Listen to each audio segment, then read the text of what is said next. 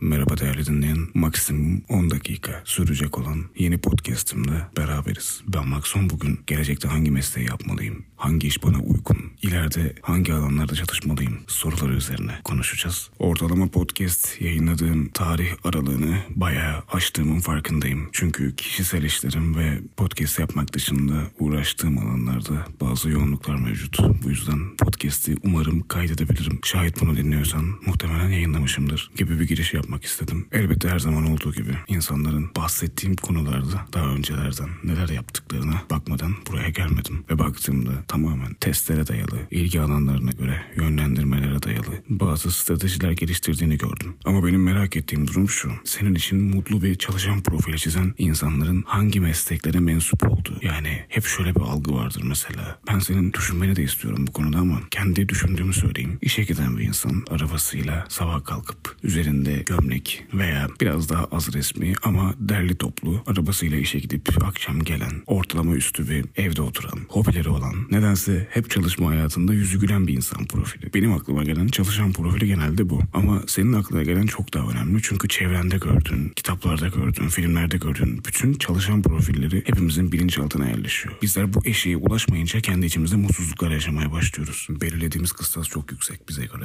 Belki bulunduğumuz coğrafya buna izin vermiyor. Evet belki bir gün ulaşabiliriz ama şu anki şartlarda buna ulaşacak durumda değilken kafamızda sürekli belirlediğimiz çıta olduğu için ne yazık ki o alana gelene kadar onun öncesinde yaptığımız hiçbir iş bizi tatmin etmiyor. Ben de böyle biriydim. Hayatım boyunca lise hayatımdan beri çalışan biri olarak ortaokuldaki süreci saymıyorum çünkü onlar çok kısa süreli işlerdi. Belki de sayabilirim bilmiyorum ama ortaokul dahil hep çalıştım hayatım boyunca. Lisedeyken biraz daha bu işi ciddiye aldım. Mesela bulaşık yıkardım. Abi vardı. Bizi ekstra dediği düğün işlerine götürürdü. Garsonluk veya komediyi ben sevmediğim için beni background dedikleri kısma vermişti. İsmi İngilizce söylendiği için ben bayağı durumu ciddiye almıştım. Önemli biri gibi hissetmiştim. Halbuki bilmiyordum yemek dökmek olduğunu. Ee, 300-400 kişilik yemekleri boş tabakları, yarım tabakları döker. Ondan sonra tabakları üst üste koyar ve streçlerdik. Bardaklar da buna dahil. Sonra biraz git gel yapınca bize de güvenmeye başladılar ve bu işlerde çalıştığımız süre boyunca bu tabaklar streçlendikten sonra elbette yıkanması gerekiyor ve bizi depoya davet etmeye başladılar. Garsonlar daha fazla yövmeyi alırlardı bizden. 20 lira falan bir de bahşiş alırlardı doğal olarak. Ben de hep derdim garsonlar da kadar iş yapmıyor muyuz falan diye. Her neyse.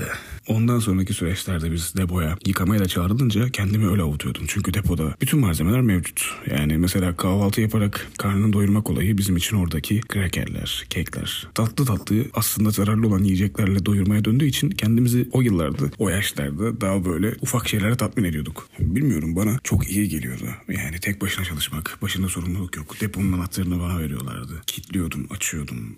Orada çalışıyordum. Bu süreç bu şekilde devam etti. Böyle devam ederken lise hayatımda staj yapmam gerekti. Bir meslek lisesi mezunuyum. O meslek lisesinden çıktığımda staj yaptığım dönemlerde bilirsin haftanın iki ya da üç günü staj yapıyorduk. Onun dışında okula gidiyorduk ama biraz daha para kazanma hırsı, belki de oradaki insanların işlerini yaptırma motivasyonu beni etkilemiş olacak ki belki ailevi nedenlerden de kaynaklı. Ben haftanın her günü gitmeye başlamıştım. Okula gittiğim günler, yarım gün, okul dışında günler tam gün gidiyordum. Bunu hafta sonu dahil. Ama bu yaptığım şeyin çok hatalı olduğunu fark ettim. Çünkü üniversiteye hazırlık dönemindesin, okulunun son yılındasın. Sen mesleğinde kendini geliştirmeye çalışıyorsun ve 18 yaşındasın. Bu yaptığın ne kadar doğru? Çevrendeki insanlar sırf meslek sahibi ol evladım. İleride zorlanmazsın. Zaten iyi bir üniversite okuyacak olsan meslek lisesine gitmezdin gibi dayatmaları, lafları bazıları kısmen doğru olabilir. Burada insanları yadırgamıyorum ama o yaştaki çocuk o kadar çok yönlendirmeye müsait ki benim arkadaşlarım meslek lisesinde derslerini kopya çekerek geçen insanlar son yıl dershaneye giderek 4 yıllık fakültelere girdiler. Yani hayatı boyunca dershaneye gitmeyip okulunun son yılında ortalama 6 aylık bir süreçti. O zamanki ÖSS programıyla adamlar 4 yıllık üniversiteye girdiler. Şaşırıyorsun. Bunun beraberinde seni motive etmek için söylemiyorum. Meslek hayatını başarılı bir şekilde sürdürmeyip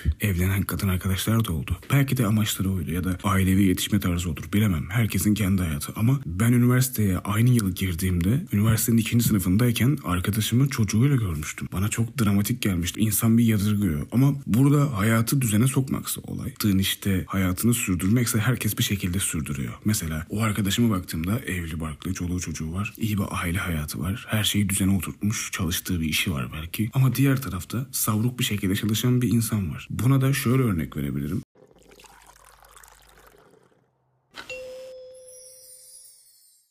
Eşi Belçikalı olan bir arkadaşım. Turizm otelcilik işinde çalışırken çalıştığı süre boyunca animatörlük yaptı. Böyle fotoğraflar atardı bize. Türlü türlü hareketler. Çok böyle cıvık davranmalar. Malum o işin gereği. Bazen müşterilerden bağış almak için. Biraz da o ortamı tanımak için. Orada Belçikalı bir kadınla tanıştı. Ve sonra evlendiler. Onlar 6 ay boyunca belki de 3 ay boyunca sezonluk olarak yazın çalışıyorlar ve kışın yatıyorlar. Bu da bir çalışma düzeni. Yazın biriktirdiği parayı kışın yiyorlar. Belki ailesinin de biraz desteği vardır. Ama bizim kafamızdaki, bilinçaltımızdaki çalışma formu tamamen güzel kıyafetli, arabasına binsin, daha resmi, yönetici formunda, yönetici kıstasında bir çalışan olduğu için biz ona erişene kadar ne yazık ki tatmin olmuyoruz. Bu ülkede mavi yakada çalışan insanlar yok mu? Fabrikada şeflik yapanlar, düz işçi olanlar. En sevdiğimdir mesela fabrikada çalıştığımda herkesin aynı şeyi yaptığını ve aynı parayı aldığını gördüğümde mavi yaka için konuşuyorum. Elbette takım liderleri dedikleri, bölüm şefleri dedikleri insanlar 300-400 lira daha fazla alıyordu. Yani o zamanki asgari ücrete göre. Ama mesela biz ayakta deliler gibi makine parçaları bağlarken meydancı dediğimiz temizlik yapan, soyunma odalarını temizleyen, tuvaletleri temizleyen insan bizimle aynı parayı alıyordu. Dikkat et burada insanların işini küçümsemiyorum. Ben meydancı olmak isterdim. Fabrikada çalıştığım süre boyunca. Çünkü hangi parçayı doğru takmış mıyım, yanlış takmış mıyım, kaliteden geçmiş mi, geçmemiş mi derdi yok. Başımda orayı temizlemiş mi, burayı temizlemiş mi diye takip eden yok. Sadece yapacağın işleri yapıyorsun. Senden sonraki vardiya gelip alıyor ve evine gidiyorsun. Çok güzel değil mi? Benim çok hoşuma gitmişti.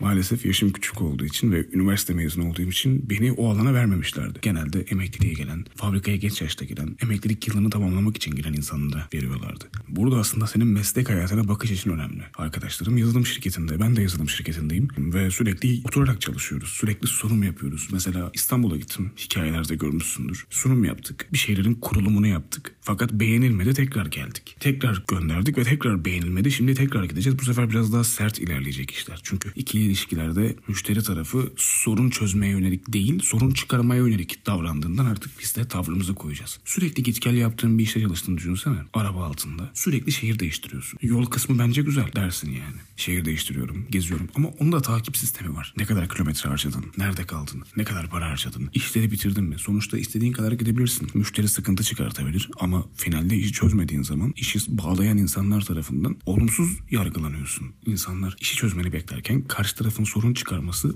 onların yaptığı stresi sana yüklemelerini sağlıyor. Bu da bir iş kolu. Belki podcast'i kaydetmeden önceki araştırmalarım kısmen işe yarıyor olabilir. İnsanların hangi mesleği yapacağına dair analiz butonları var. Analiz testleri var. Bunları paralı yapmışlar ki ben bu paranın verilmesi taraftarı değilim. Fakat hayatında ne yaptığını yazarak bir liste yaparsan neyi sevdiğini fark edebilirsin. En azından neyin çok para getirdiğinden ziyade ben bu işi yapmaktan keyif alıyorum diyebilirsin. Yine arkadaşlarımdan örnek vereceğim. Beraber müzik yaptığım bir arkadaşım vardı. Kendisi hayatının en sıkıntılı dönemlerinde askere gitmeden önce bir lokantada çalışmaya başlamıştı. Karakteri yapısı gereği bir şeyleri irdelemeyi seven bir arkadaştı. Mesela onun sayesinde ben canını çektirmeyeyim ama tavuk dönerin but etinden yapıldığında çok daha lezzetli ve sağlıklı olduğunu öğrenmiştim. Kendisi bu işi yapardı. Üniversite mezunu olmasına rağmen askere gittikten sonra direkt geldi. Evlendi ve İstanbul'a ailesinin yanına yerleşti. Evlendikten sonra ailesinin yanından çıktı ve İstanbul'da iyi bir fabrikada hayatını devam ettirecek işler yapmaya başladı. Bu kişi müzik yapıyordu. Hayatının belirli bir döneminde tavuk döner işinde uğraştı ve bu belirli bir dönem dediğim yaklaşık bir buçuk yıl. Ondan sonra İstanbul'a gitti. Ve İstanbul'da bir atölye tarzı, fabrika tarzı bir yerde çalışıyor. Şimdi demek istediğimi anlayabiliyor musun? Kişi nerede ihtiyacına yönelik bir karşılık alırsa o işi sürdürmeyi beceriyor. İlla her işi sevmek zorunda değilsin. Şeyi anlamadım hiç. Belki de başıma gelmediği içindir. Eğer yaptığın işi seversen o iş senin asla işin olmaz. Oraya koştura koştura gidersin olayı var ya. Ben de onu yaşayamadım ben hiç. Hayatım bir ton iş kolunda çalıştım. Bulaşıktır, fabrikadır, yazılımdır, tasarımdır. Bir ton alanda çalıştım. Belki doğru alanı bulamamışımdır bilemiyorum